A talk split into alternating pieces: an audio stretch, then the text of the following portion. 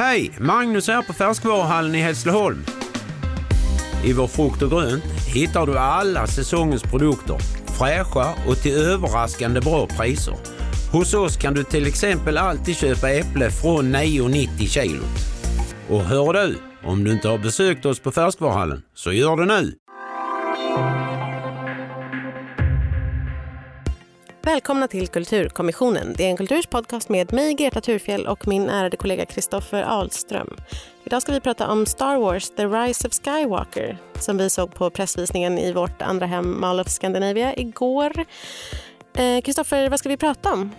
Eh, jag ska prata om eh, hur otroligt eh, ja, känslosam den här filmen var för mig och jag ska berätta om Scenerna som fick mig att börja gråta och jag ska försöka att hålla mig från tårar när jag gör det men jag kan absolut inte lova någonting.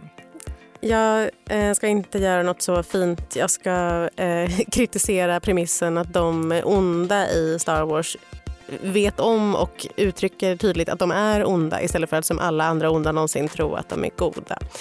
Eh, och eftersom inga är så eh, spoilerkänsliga som Star Wars-fans, förutom kanske Marvel-fans, så vill jag varna för spoilers. Eh, för vi kommer prata om hela filmen, så att, den kan man se först och sen ska man lyssna på avsnittet sen.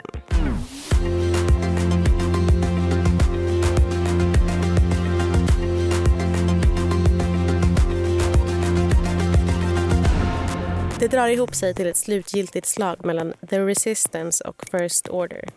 Kylo Ren uppsöker en återuppstånden kejsar Palpatine som lovar honom hela imperiet i utbyte mot att han dödar Rey.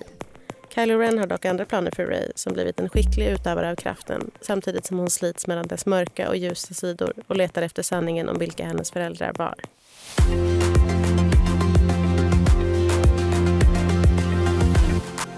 Kristoffer, mm. vet vi verkligen med säkerhet att det här är den sista Star Wars-filmen som någonsin kommer att göras? Eh, för, att citera en god vän, det är nog inte ens den sista Star Wars-filmen i år. eh, sen, sen, Disney tog över och köpte ut eh, George Lucas från Star Wars-franchisen så har de ju liksom bara pumpat ut filmer. Det är tv-serier, det är spin-off-rullar mm. och så vidare. Eh, sen fick de ju, och jag menar, Last Jedi, den förra liksom, filmen i, i Skywalker-sagan var mm. ju mest inkomstbringande hela 2017, så jag tror knappast de kommer liksom släppa Star Wars. Men däremot så Tacka sägs det ju att det här är då den avslutande delen i ja, Skywalker-släktsagan som börjar med Stjärnornas krig 1977 och det är den nionde filmen både kronologiskt och liksom i den ordning som den har gjort. Mm, man kan ändå säga att det är någon sorts bokslut. Liksom. Ja, men precis. Och sen som sagt Disney, jag tror de, de betalar 4 miljarder till George Lucas för franchisen så de kommer inte sluta göra Star Wars-produkter om man säger så. Hur tycker du att den, om man ändå ska se på den som ett avslut av någonting, uh, avslut for mm. a generation. Hur, eh, hur tycker du att den eh, lyckades med att liksom knyta ihop säcken? Alltså, grejen är att det är väl inte a generation längre, den har lyckats bli en multigenerations ja. framgång. Ja, jo, eh, absolut. Trots att den liksom fortsätter att riffa på det här 42 år gamla konceptet. Mm. Eh, ja, det där är en bra fråga. Hur, mm. hur gör man folk nöjda? Hur liksom rundar man av efter 42 år? Vi kan väl säga här och nu att du är väldigt nöjd. Jag är väldigt nöjd, absolut. Så för dig lyckades den knyta ihop säcken? Ja, och det är lite lustigt för att eh, jag är ju fanboy, ska jag mm, kännas. Mm, mm. Jag har varit det sen vill inte skämmas för. Nej, nej, nej.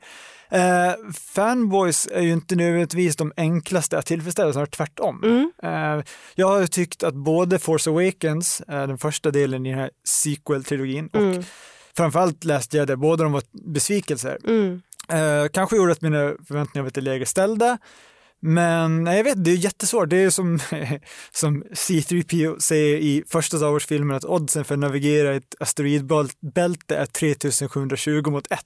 Och det är ungefär oddsen för att göra alla nöjda eh, med den här filmen också. Men med det sagt så tycker jag absolut eh, att det här var ett värdigt avslut. Vill du, ska vi gå in närmare på det här och nu eller ska vi Vi kan återkomma till liksom avslutningen på själva filmen mm. verkligen. Mm. Men, men, ja, men vi kan väl säga lite kort om mottag för att nu är recensionerna börjat välla in. Mm. Eh, av de du är i minoritet. Jag är i minoritet, absolut. Det har jag insett. Eh, vilket gör mig förvirrad för jag, jag var helt övertygad om att det här är till och med så att jag satt, var väl en halvtimme in i filmen, den här jaktscenen i öknen. Mm. Och jag satt och tänkte för mig själv. Vilken av dem? jag satt och tänkte så här, det här är filmen vi förtjänade. Till slut fick vi den. Eh, och det kan man väl alltid säga sig, ja, jag, jag kanske rycktes med i stämningen, men det är väl det en filmupplevelse är. Man ska ryckas med. Ja, då har man ju lyckats. Ja, ja, precis. Så det, det, tycker jag verkligen. Även eh, DNs eh, filmkritiker Jakob Lundström tycker ju att det här är filmen vi förtjänar, men inte lika positiva Nej, han är mycket mer du. kritisk. Eh, och då, då ska man väl komma ihåg vilket håll han kommer ifrån. Han är chefredaktör filmtidningen FLM, så han är filmskribent. Jag är däremot författare. Jag kommer från Cervantes, från Tolstoj, från Homeros. För att parafrasera Peter Handke. Ja visst, ja, visst. Jo men det, det, så, så måste det få vara. Man måste få ha olika utgångspunkter i detta. Absolut. Du och jag såg ju filmen tillsammans. Mm. Det var en underbar förmiddag ah. i Mall of Scandinavia. Underbar Mall of Scandinavia. Tack Mall of Scandinavia. Inte sponsrad av Mall of Scandinavia, vi säger det ändå. Du grät. Ja, det var för att jag berättade. Du, du såg inte mig gråta hoppas jag. Det, jag försökte nog dölja ganska väl. Du hade tredjeglasögon på dig så jag såg inte att du grät. Nej. Jag satt inte heller bredvid dig tyvärr. Men jag hade gärna velat se det. Ja. jag hade blivit väldigt rörd. Ja, men, men, jag tror att vid fem eller sex skilda tillfällen så grät jag i olika mängder. Från liksom snörvlande till actual tårar rinner ner för kinden. Åh, rinner ner från ut under tredje glasögonen. ja, Nej, det hade jag verkligen velat se.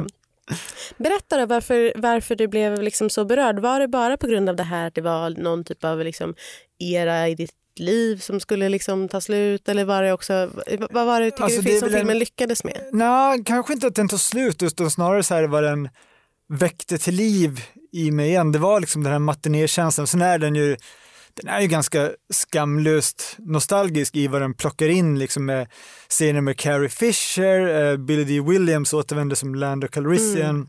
Man till och med plockar upp Ian McDermid som kejsare Palpatine mm. och då är alltså, han var ju då med i den andra filmen dyker upp, alltså ja, film 5 då från 1980, mm. så då snackar vi, det är 39 år. som tur är så spelar han redan då en sån gammal ruttnande gubbe. Som ja, jag undrade liksom hur de hade fått honom till ruttnande gubbe då, för det är inte, nu kanske det inte är lika svårt att förställa honom. Var... Han, är väldigt, han, är inte, han ser inte alls ut som, som otäcka eh, Palpatine i verkligheten. Jag såg bilder på honom och bara, åh vilken söt liten farbror. Ja, absolut. Och i prequel-filmerna då, alltså del 1 till 3 så spelar han, då är han bara senator Palpatine och då är han liksom sitt ja, riktiga jag. Mm. Så det, det, var mycket tung makeup då 1983 var det mm, mm. Jedens återkomst där han framförallt är med. Liksom.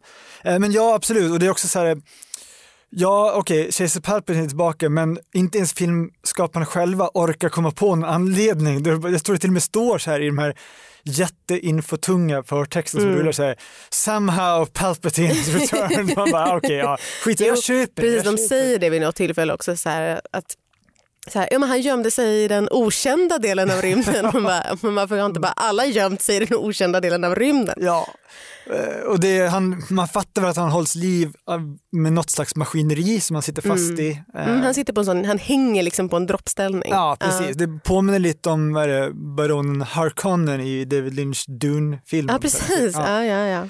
Uh, ja, precis. Nej, men, och sen är liksom det, om jag ska säga så här, jag kan inte gå in på alla gånger jag grät, men den som, scen som fick mig att liksom hulka som kraftigast mm. är då när uh, ja, Ray då som är den här uh, arvtagerskan kan man väl säga till hela jedi, ja, jedi-arvet. Ja, hon liksom stirrar upp i stjärnorna och väcks till liv och så kommer liksom en en kör av röster som är liksom alla som har spelat jedi-riddare i serien. Ja. Det är Samuel Jackson som Mace Windu, det är Liam Neeson som Qui-Gon Jinn, det är um, Ewan McGregor. Ewan McGregor som en ung Ben Kenobi, ja, det är Hayden Christensen som Anakin Skywalker. Och alla de liksom manar henne att resa sig upp och så gör hon det. och sen vänder sig bort från, eh, från och sen säger kejsaren, kejsaren skryter med att säga all alla Siths, som är då de onda versionerna av jedis, är med mig och då korsar hon Otroligt. Då korsar hon sina ljussablar och säger alla jedi som är med mig och då brast det för mig. Det är faktiskt väldigt vackert, jag håller ja, med om det. Otroligt. Jag håller med om det. Um, för att vi ska kunna gå vidare lite grann från den här gråtfesten uh, festen, mm eh, som jag inte vill gå vidare från. Men jag ska, ändå, mm. jag ska tillåta dig att göra det. Det är ju så att man sitter och väntar på de här slutscenerna eftersom det, de är eh, ja, det ska ju också vara på något sätt den avslutande eh, delen av den här, eh, den här trilogin nu som har kommit nu. Tycker jag man sitter och väntar på det hela tiden. Men, men det händer ju liksom också ganska mycket. Det är en ganska lång film, den är mm. 2.20. Det händer mm. ganska mycket innan man kommer till de 18 olika slutscenerna som en sån här eh, film brukar innehålla. DNs eh, Johan Hilton var också på samma visning som, som du och jag var på. Och då smsade vi lite efteråt och då så beskrev han första halvan av filmen som Fångarna på fortet. Mm. Och så, mhm. så sa han att det var en jävla massa nycklar och skit som skulle hittas.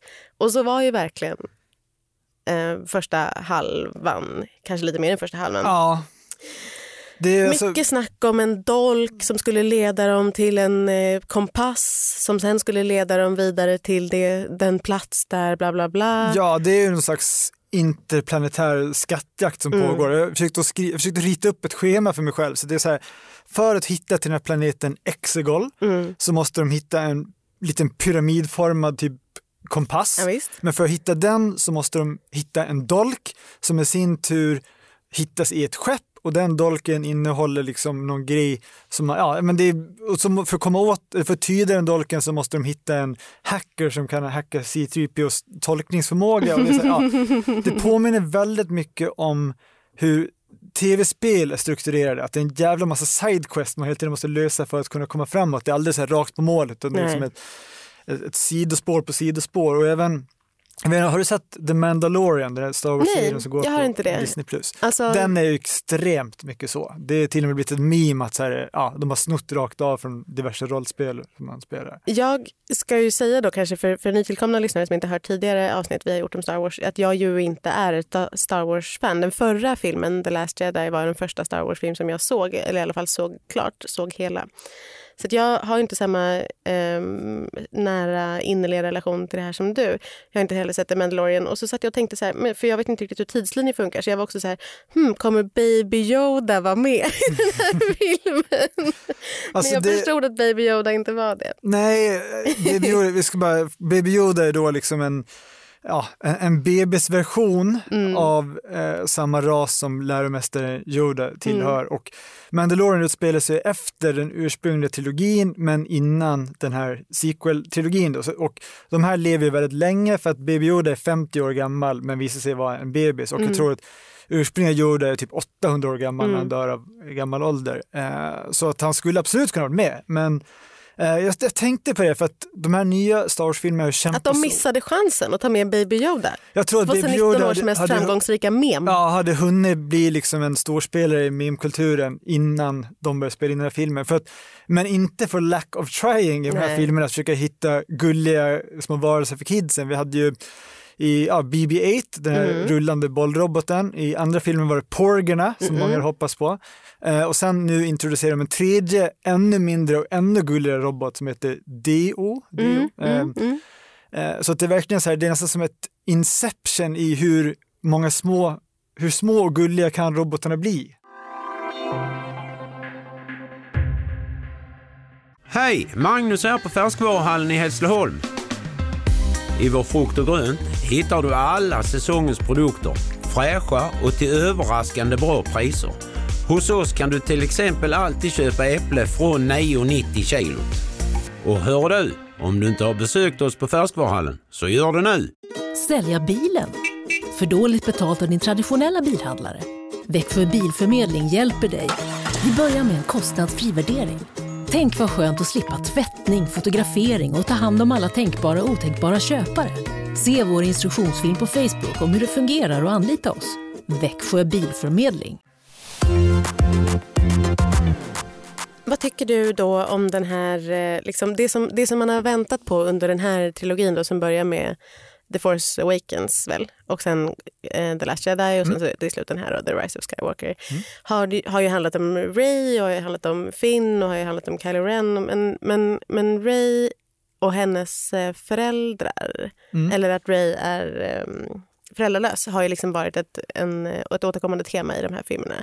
Och nu skulle det då slutligen, kunde man gissa sig till, avslöjas vilka hennes mm. föräldrar var eller mm. var hon eh, kom ifrån, varför de var döda och hit och dit. Vad tyckte du om den? Eh... Alltså, att det blev som det blev? Ja, eh, det har ju spekulerats väldigt mycket kring vilka hennes föräldrar skulle vara eftersom hon då uppenbarligen har så otroligt eh, stark närvaro av kraften mm. i, i sitt liv och sin person. Eh, och JJ Abrams teasar ju redan då i Force Awakens när Mas Kanata eh, liksom, ja, skådar in hennes förflutna. Och bara in... Lupita Nyong'os lilla gumma. Precis, den Oscarsbelönade aktrisen Lupita Nyong'o som typ får två repliker i den här filmen. Men Mas Kanata är väldigt söt. Ja, så Uh, och då ser man, anar man i snabba flashbacks uh, liksom att det finns någonting mörkt och farligt i Rays förflutna och hennes liksom, släktled. Och många bara, ja men hon är ju uppenbarligen en del av Skywalker-klanen på något sätt. Men det raserar Rian Johnson i Last Jedi direkt när hon går ner i den här grottan som du kanske minns med mm, spegelreflektioner. Att, och då bara, nej, dina föräldrar var nobodies. Och då visar sig i den här filmen att hennes föräldrar var nobodies. Det som däremot den stora revealen är då att hennes farfar är Chaser Palpatine, mm. vilket var en ganska oväntad eh, vändning men också inte så superangelägen. För att det blir liksom, på samma sätt är ju då eh, Kylo Ren, spelad av Adam Driver, är ju då eh, sonson till Darth Vader. Mm. Så det blir liksom något så här, eh, båda lider av något farfars och morfars komplex, vilket inte känns så jättenära och brännande egentligen. Det är ju inte riktigt lika starkt med farfars eller Nej. morfars komplex som det är med äh, mor eller far. Det, det är en svagare Romeo och Julia-story av någon anledning. Ja, det är det sannerligen. Inte, inte på grund av någonting som händer mellan Ray och Kylo Ren som är otroligt starka scener. Men, men absolut, det är inte lika bra, det är inte lika bra story. Nej. Um, ja, nej, men så det får man reda på då att Palpatine är eh, farfar till mm eh, Ray. Ray tar det här på ett lite... Eh, hon har ju liksom slitits då hela tiden mellan det här, vad, vad är gott och vad är ont. Och där har jag en fråga till dig Kristoffer, mm. därför att jag fattar inte riktigt det här. För i alla andra sagor, eh, myter, eh, eh, krig, berättelser någonsin så är det ju så här att alla sidor är övertygade om att de är på den goda sidan, eller på den rätta sidan. Mm. I alla fall ja. i ganska många fall, det måste du hålla Precis, med om. Mm. För att man ska här, förstå deras motivation och varför, att de tycker att de gör rätt själva. Inte bara i sagor utan också i verkligheten, typ säg i ett krig. Mm. Men i Star Wars mm. så verkar det vara så här, förlåt en utomstående dum fråga, men i Star Wars så vet ju den onda sidan om att den är ond. Den är ja. så här, kom över till den mörka sidan. Man bara, ja. Men det är ingen som tror att den är på den mörka sidan. Nej, fast dels så tror jag att du kräver lite för mycket komplexitet här. För att som du själv upp, sagt och upprepat tillfällen så är det ju en saga. Mm. Det är mörkt och ljust och det är mm. gott och ont. Mm. Uh, i, den här fall, I det här fallet är det också hopp mot rädsla, är väldigt tydliga mm. teman ställs mot varandra. Uh, men sen tror jag, jag menar det finns ju, det finns ju fall där personer liksom njuter av att kunna vara liksom mäktiga och manipulera. Det finns ju det liksom machiavellianska eller mm. shakespearianska om du Tänk, ja, men ta till exempel House of Cards, paret Underwood. De är ja. verkligen så här, de, de vet om att de är onda och fulspelare men de njuter ändå av liksom den makten. Och det är inte så mycket så här, politisk idealism som det är bara berusningen som lockar.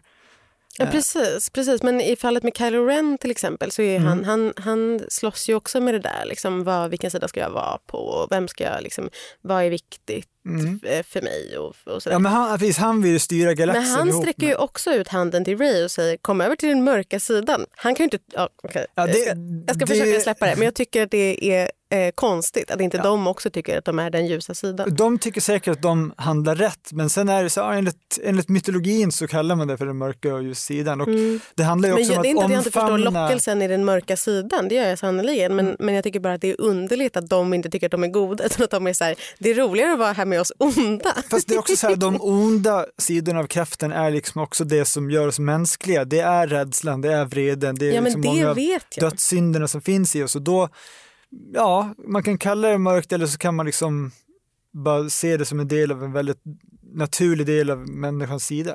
Ja, men det vet jag, det förstår jag verkligen. Jag, jag, problemet är med själva liksom språkbruket kring deras, eh, hur, deras syn på sig själva.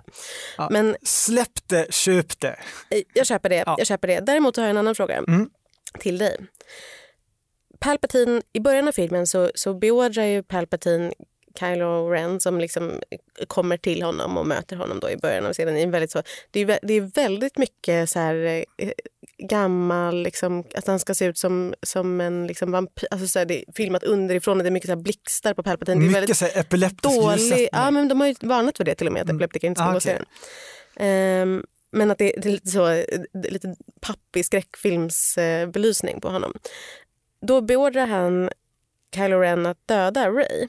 Mm. Men i slutet så säger han så här, jag ville aldrig att du skulle dö Ray. Jag vill att du ska bli kejsarinna av min eh, av, av siterna. Ja, och, och, varför bad han då inte bara Kylo Ren att ta dit henne? Levande? Menar, ja, precis. Ja. Förstår du det? Eh, nej, och det verkar liksom som att så här, jag läste någon recension där någon var lite orolig för att Palpatine kanske blivit senil så att hans liksom, motivation hela tiden byter ja. spår. Ja.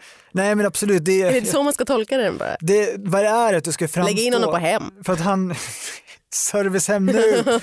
Nej men det, det, ska ju framstå som att han hela tiden har verkat i skuggorna och liksom ryckt i marionettrådarna och han, ja, han säger ju också så här att alla röster du hörde säga till Kylo Ren var jag. Mm. Eh, oavsett om det var Supreme Leader Snoke mm. eller om det var Darth Vaders röst mm. och så vidare. Så det är väl så här att han vill briljera med lite mind games, men nej, det finns absolut en logisk lucka. Han hade bara helt enkelt kunnat bett honom ta dit henne, mm. för att det är det som har varit hans endgame hela tiden. Jag har lite svårt att, lite svårt att förstå det. Men okej, okay, jag, ska, jag, ska, jag ska försöka göra vad jag kan för att, för att leva med detta. Mm. Men en annan person som jag skulle vilja att vi talade om, nu har vi pratat mycket om, om Kylo Ren och om, om Ray och vi ska återkomma till dem också. Men det finns ju faktiskt fler karaktärer i den här filmen. Till exempel eh, stackars Finn mm. som också dyker upp i första filmen och sen är med rätt mycket i andra. Och nu då har kommit till någon sorts eh, slut... Eh, vad ska man säga? Hur tycker du? Han, han slarvas ju bort lite, eller? Ja. Han är med väldigt mycket och han får antyda väldigt mycket att han är väldigt kär i Ray. Mm. Eh, och säger flera gånger så här, det är någonting jag vill berätta för dig och när, de ska, när de hamnar i snåriga situationer. Mm. Han får aldrig berätta vad det är. Nej. Man kan lista ut att, det är, att han vill berätta ja. att han är kär i Ray. Men han får inte Ray. Och han får heller ingen annan. Nej, och det, jag tror han har att... liksom flera kärleksintressen, under, eller potentiella kärleksintressen eller åtminstone vänskapsintressen under mm. den här eh, filmen. Och ing, sen händer ingenting. Nej, och jag, jag tror att egentligen tror jag att JJ Abrams och eh, filmskaparna är liksom ja, de känner väl med sig att det här är inte intressant spår. Jag tror tittarna är inte särskilt intresserade av det här heller. Nej, det, det får, och Ray har egentligen ganska många, det antyds ju även så att det skulle kunna vara Dameron Poe som hennes kärleksintresse mm, vid ett mm. tillfälle. Poe Dameron. Poe Dameron, förlåt. Eh, och eh, sen blir det då ändå till slut Kylo Ren som hon får hångla med. Liksom. Mm. Eh, men annars har det, det är en väldigt kysk filmserie, även den här trilogin har liksom varit att folk möts och de kramas och sen, ja, i en, i en, annan film, en kanske sämre film, så har det varit mycket mer så liksom erotisk eller romantisk spänning. Men jag tror inte att det känns, de allra de här spåren som är med, med Poe och Finn tycker jag bara är helt ointressanta. Det är egentligen Race story man vill följa. Ja det är sannerligen. Men det är lite... Men visst, det är ett evigt friendzone. Det är så här, synd om honom. Han får inte Rose och han i, får inte Jana. Och... I, I Last Jedi så var det också så här, men precis Rose då, mm. eh, som verkligen knuffas under den här filmen får säga. Och då undrar man, för att det, det, var ju viss, vad ska man säga, kritik eller det var liksom någon slags proteststorm med rasistiska förtecken kring den filmen och representation och mm. identitetspolitik och där just Rose som då blir den första, vad ska man säga, icke-vita kvinnliga karaktären mm. med någon slags agens i de här mm. filmerna. Alltså, mm. ja, det var till och med så att eh, skådespelerskan som är vietnamesiskt ursprung, Kelly Marie Tran, mm. lämnar sociala medier för att hon blir liksom så trakasserad ja, av fans. Mycket av det gick att härleda sen till ryska troll, eh, var en forskarstudie på USCA som visade. Men eh, Ja, nej, så det, det, verkligen, det känns bara som du säger, det, det lämnas till henne och jag tror att ingen lider särskilt mycket av det. Det var nog ingen som var särskilt intresserad av att följa upp den romantiska entanglement. Sant, sant. Jag var inte heller så intresserad av det, av att se de scenerna. Men jag tycker ändå att det är lite tråkigt när man nu har introducerat så himla många nya karaktärer och så är de väldigt mycket i bakgrunden och väldigt mycket bara så här, att de ska vara med som lite comic relief och det ska ja, vara lite bråk även, med... Även Finns bakgrundsstory att han är så barnsoldat som har värvats i stormtrupperna. Det, ja, det fick man veta i den första filmen, så det är inte någon stort, inget stort avslöjande som görs när han hittar andra personer som är, som är liksom i samma sits. Så att man känner bara, ja, det var väl det. Snabbt tillbaka till Daisy Ridley och Adam Driver som är det som vi egentligen är intresserade av att prata om. um, deras, det, här är ju någonting som pågår också sen, sen förra filmen, allra minst deras eh, extremt starka kemi och deras, eh, den telepatiska kontakt som de har där de plötsligt liksom kan... Plötsligt är, det är mitt på blanka dagen, plötsligt blir det natt och så, så ser de varandra i någon sorts... Liksom, ja, men, vad ska man men säga? de har en slags telepatisk sammanlänk Precis, eh, precis. som jag tycker funkar jättesnyggt estetiskt och det Mm. etablerar de i, i den förra filmen där de liksom kan föra föremål fram och tillbaka Mm. eh, i fysiska världen genom liksom en slags mental kontakt. Är det, är, det liksom, är det kraften också då? Eller? Ja, det har ju aldrig använts tidigare i filmserien, men jag tycker det är jättesnyggt och framförallt är det då en nyckelscen i filmen där hon liksom lämnar över sin ljussabel till Ja. honom genom så- ja, någon slags konstig rumsförflyttning. Nu börjar jag gråta. Ja, det, det var en otrolig scen verkligen. Sen har ju de, de är väl den, det är ju de två, ja, bortsett då från Oscar Isaac som spelar på Drömmen så är det de två som har absolut mest karisma Mm. och vars öde man bryr sig om och de har en eh, otrolig energi mellan sig och den här eh, eh, ja, fighting-scenen med, med ljussablarna ovanpå den fallna dödsstjärnan på eh, ett, eh, ett Endor som den där månen då heter med ett hav som stormar runt dem. Otroligt snyggt, visuellt tilltalande. Ja, verkligen. En av få snygga set pieces för övrigt i en film som jag tycker saknar mycket av den förra filmen hade. Verkligen. Vi har ju bråkat lite grann eh, på förhand du och jag om huruvida den här filmen eller den förra filmen eh, Last Jedi var eh, bäst. Och jag som inte har en så stark koppling till hur Star Wars-filmerna brukar se ut eller brukar, eh, hur tonen brukar vara, tyckte att den var jättebra. Ja, det är helt fel ingång. Ja, jo tack. ja. Jo, tack. Kanske därför jag inte ska börja kolla. Men, men eh, så tänkte jag att, att den var också så otroligt snygg. Och det finns så himla många snygga scener. Det är den här spegelscenen som vi pratade om tidigare i Last Jedi och sen så är det den här saltplaneten som de är på då som, liksom, som är helt vit och så, så lämnar den liksom röda spår i marken. Allt det där är ju så otroligt visuellt. Ja, och även den här eh, tron, Slående. tronsalsscenen som också är det som påminner väldigt mycket om eh, Åh, vad heter den? Bergman, Viskningar och det, va? den Bergman-filmen med otroligt röda färgen. Verkligen. Ja, exakt. Exakt. Och i den här filmen är det ju inte alls lika mycket så. Jag tyckte också, det här vet jag att vi bråkade om i vår tid, en tidigare version av den här podden som heter Kulturskymning så, så gjorde vi ett avsnitt som handlade om The Last Jedi. Då eh, bråkade vi om den här scenen på kasinot Ja, Som jag älskar. Hemska, hemska. Hela det sidospåret på bortkastat. som jag älskar. Men, eh, men i den här filmen så finns det inte lika mycket av det. Det finns några olika planeter som, som de hälsar på på. Men mest är de ju i olika ökenscener därför att de har upptäckt att Daisy Ridley är otroligt snygg i, eh, mot, mot bakgrund av sand, vilket är sant. Mm. Men eh, just därför tyckte jag att den här, den här filmen saknade lite av det som, som är liksom det väldigt visuellt slående som ju också är det man vill se om man ser den på bio. tänker jag. Man vill Mm. ha de där stora. Och då var Dödsstjärnan det kanske som var, som var snyggast. De där regn, eh, regnscenerna var Ja. fina. Och jag gillade också mycket den scenen sen i en annan eh, tronsal. Då, Siternas eh, eh, tronsal nere i... Precis, det är citadellet och då där liksom hela slutstriden utkämpas kan man väl säga. Det tyckte jag var jättesnyggt. Jag tänkte Mm. jättemycket på ehm, gruv, eh, gruvan i Sagan om ringen, Moria. Mm. Ja, ja, eh, som är väldigt eh, de, lätt inspirerad av den. Är den. Men den är väldigt, eh, det är väldigt snyggt också. Mm.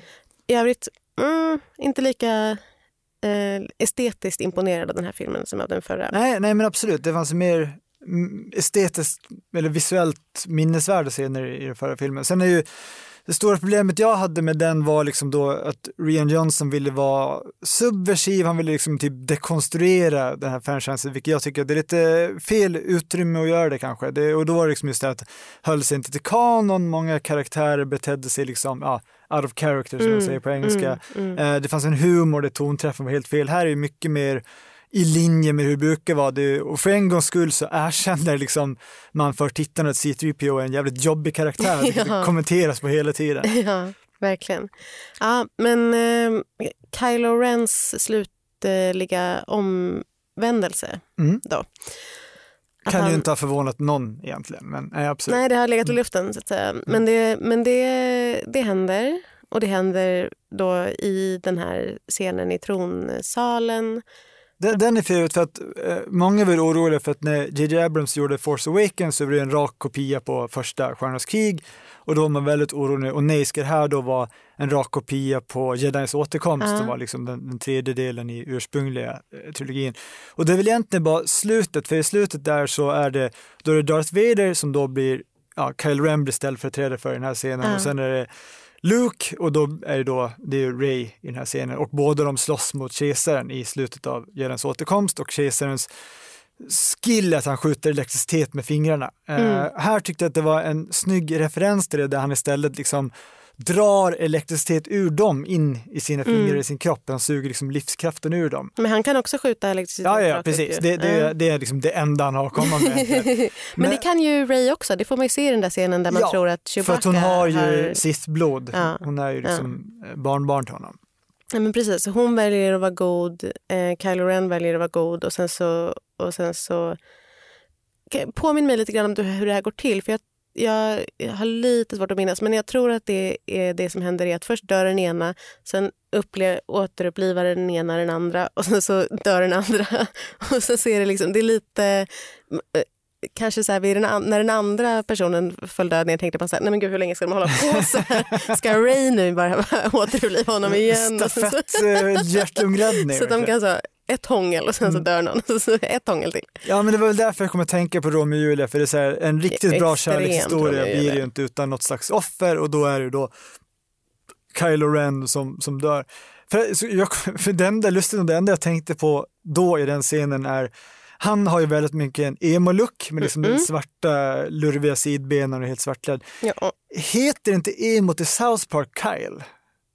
Oh, det vet inte jag. Som nu Kylo önskar du att du satt här med, med Fredrik Strage. Ja, kanske. Men jag är rätt säker på att, eh, på att emot i South Park heter Kyle. Mm. Så det, det tyckte jag, det var jag satt och skrockade lite åt. Emo-namnet Kyle. Ja, men sen dör ju då um, Kylo Ren på det sättet som alla jedi-riddare dör på, Precis. det vill säga löses upp i tomma intet Precis. och så är det bara hans tomma kappa. Och som det som har hänt mm. eh, innan är ju att eh, Leia, Carrie Fisher, har mm. dött. Och då undrar jag, om, för då har man fått veta, eller liksom man har fått se då en scen där, där Leia ska liksom, det här, det här kommer ta all hennes kraft som hon har kvar och liksom kontakta eh, Kylo Ren på något sätt. Vilket hon gör. Vilket leder till att Ray eh, vinner striden mot Kylo Ren där på dödsstjärnan.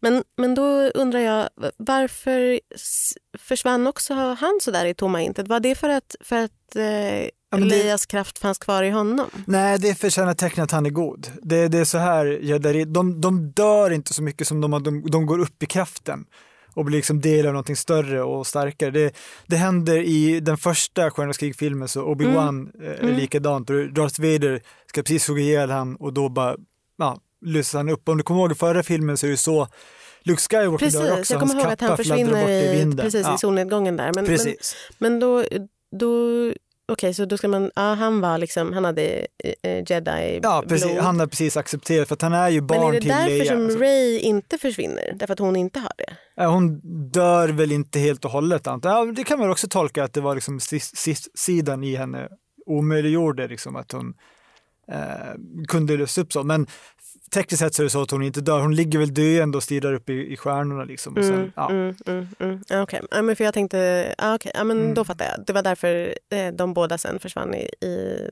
tomma intet. Eller vad man ska säga. Ja, precis. Men, men om, om man ska liksom säga någonting om, om JJ Abrams, ska man säga, det, vad han lyckas med här tycker jag. För mm.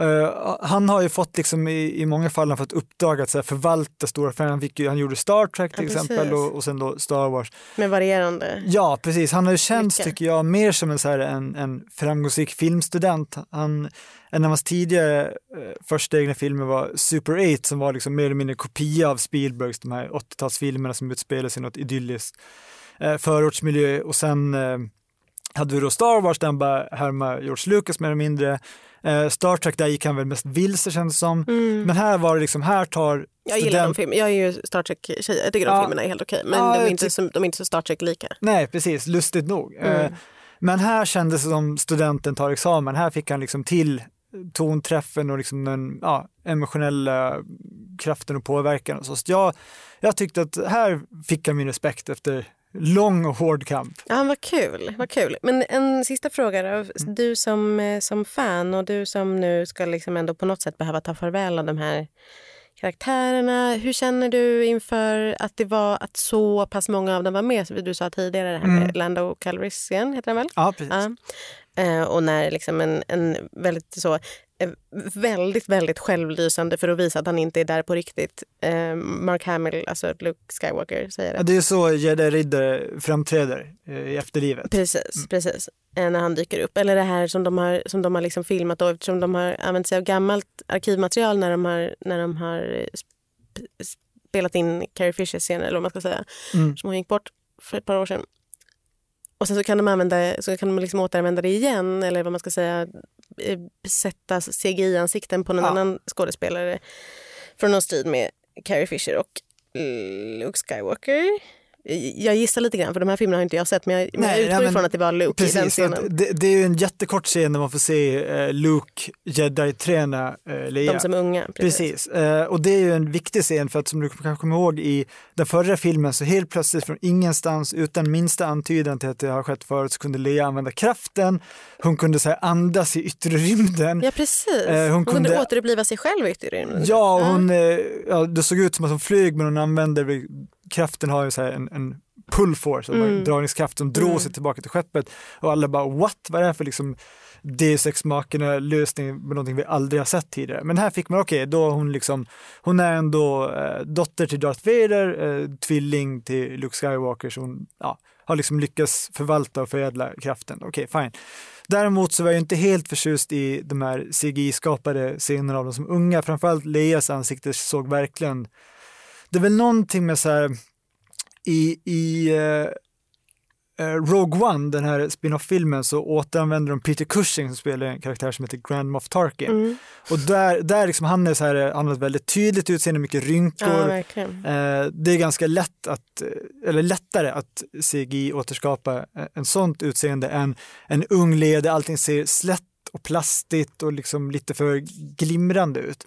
Eh, sen kan, kan, man väl säga vad man vill om hur Mark Hamill ser ut som Luke Skywalker idag. Han är verkligen en gubblook med det bältet som är liksom, du vet så här, hur människor, gamla människor har byxorna högt ja, uppe. Det är så här, ja. Bältet sitter någonstans Otroligt. kring understa revbensparet. Hög midja på hans Verkligen. jedi-byxor. Men Uh, för Men det var, inte CGI, det var inte en CGI-recension jag ville ha. Nej. Jag ville ha en, en känslomässig uh, respons det, på... Nej, där kändes det inte alls så. Och även Lando Calrissian märks liksom. Det, vi var inne lite på det när vi pratade om The Irishman här veckan. Mm. När liksom folk som man har sett i sin ja, ungdomsvigör och goda dagar när de liksom rör sig långsamt men ändå ska man ska försöka köpa den visionen som tittar att okej, okay, det här är en person som fortfarande är viktig och liksom går att räkna med när han Lando Calrissian rör sig verkligen som en gammal gubbe och har liksom ett dubbelt så brett huvud mot vad han hade i ursprungsfilmerna. Men med det sagt så fanns det, äh, slutscenen i den här filmen var otroligt emotionellt, förlåt. Nej, det händer igen! Ja. För vad som händer då, det här, det här vet inte du för du har inte sett den första filmen, men Luke Skywalker är då också föräldralös för att alla hjältar i de här filmerna är orphans. Det hör liksom till, det är ju allt när historieberättande även i Harry Potter och så vidare. Mm. Men han växer då upp hos Uncle Owen och Aunt Beru eh, på en farm på Tatooine och det är den farmen hon återbesöker när hon går runt där och sen står hon i slutet med den lilla roboten framför de två eh, tvillingsolarna som har varit så otroligt emblematiska för liksom Star Wars och eh, Tatooine då särskilt. Det var så otroligt snyggt hur de knöt ihop det tyckte jag och då var det verkligen så här, ja, ah, värdigt. Mycket. Hon har fått veta sitt riktiga namn och hon mm. väljer att ta ett annat. Ja, hon tar Skywalker.